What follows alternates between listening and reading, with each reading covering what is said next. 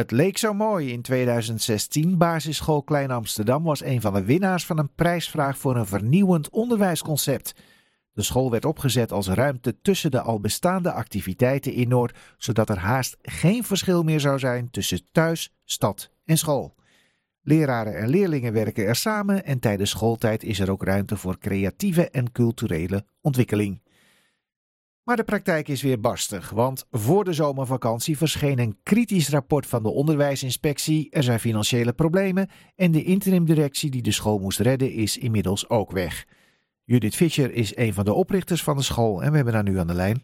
Goedemiddag mevrouw Fischer. Dankjewel. Uh, wat is volgens u de reden dat Klein Amsterdam het uh, zo moeilijk heeft?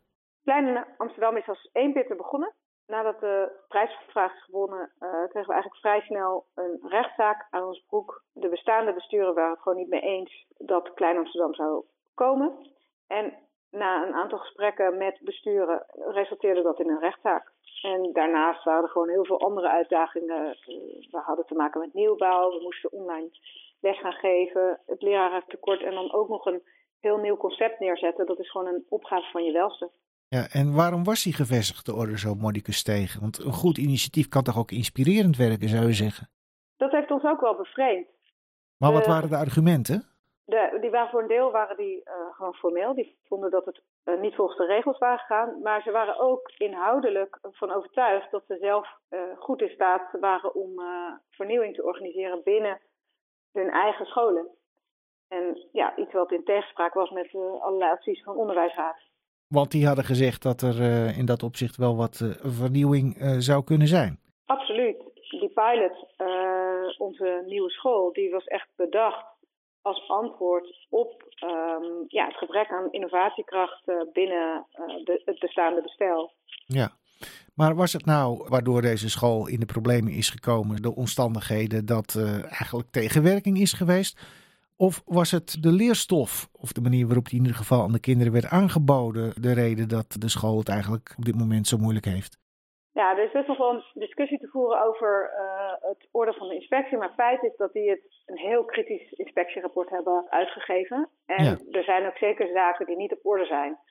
Daarnaast zijn er ook zaken die je niet zo goed kan meten in, uh, in toetsingskaders van de inspectie. Um, en die, ja, die zijn gewoon op orde. Ja, maar uh, zoiets uh, hards, om maar even te noemen, de tafels. Uh, ja, dat kun je toch vrij makkelijk meten. En die moet je gewoon instampen, anders blijft het een probleem. D's en T's, ook zo'n onderwerp. Ja, als dan de inspectie daarvan zegt van ja, dat is gewoon niet goed. Dan zou je ook kunnen zeggen, ja, misschien werkt het dan toch ook qua methode wel niet. Nou, er zijn zeker discussies over mogelijk. Klein Amsterdam heeft geen standpunt dat je geen basisvaardigheden moet leren. Alleen in Klein Amsterdam is wel de opvatting dat je duidelijk maakt waarom je die dingen moet leren. dus het leren is in die zin dienend aan de ontwikkeling van de kinderen. Um, dus, maar ze moeten die zaken gewoon onder de knie hebben, absoluut. Ja. Nou hebben we in uh, Amsterdam te maken met uh, onderwijswethouder uh, Moorman. Die al heel veel kleine scholen heeft gesloten. Omdat ze zegt, ja, de onderwijskwaliteit leidt eronder. Het moet groot en vooral ook breed alle soorten kinderen in één klas, dan kunnen de zwakkeren zich optrekken aan de sterkere. Dat is toch een beetje ingegeven door een ja, soort van solidaire maatschappijvisie. Daar hoor ik tot dusver in uw verhaal nog niet zo heel veel over. Ik ben blij dat je daarover begint. Um, Klein Amsterdam is ook bedacht als samenleving in het kleine. Een tussenstapje van thuis naar de grote samenleving. En om kinderen te helpen om zich daarop voor te bereiden. En in die zin, de klas of de school zou dus ook een afspiegeling moeten zijn van een buurt of een wijk of een stad. Uh, het idee dat dat alleen maar bereikt kan worden uh, als iets groot is, uh, daar wil ik me wel tegen verzetten. Want ik denk dat zoiets ook in een hele kleine setting kan plaatsvinden. Ja, maar nou is het op dit moment een school van voornamelijk kinderen van hoogopgeleide ouders. Ik kan me voorstellen dat er dan ook wordt gedacht van ja, dat zijn nou net de krenten uit de pap die je nodig hebt voor de solidariteit.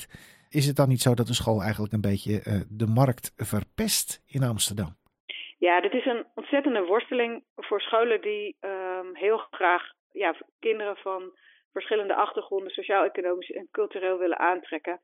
Uh, het is een ontzettende opgave, met name voor vernieuwende scholen, om, om ervoor te zorgen dat iedereen zich welkom voelt. Dat hebben wij aan het begin ook meegemaakt. Het is ontzettend moeilijk om mensen te verleiden om voor iets nieuws te kiezen. dus je hebt ook te maken met een, ja, een progressieve, pionerende voorhoede. Uh, zeker in een gebied als Amsterdam-Noord, waar een school in een nieuwe wijk staat. Uh, niet iedereen kiest dan voor zo'n school.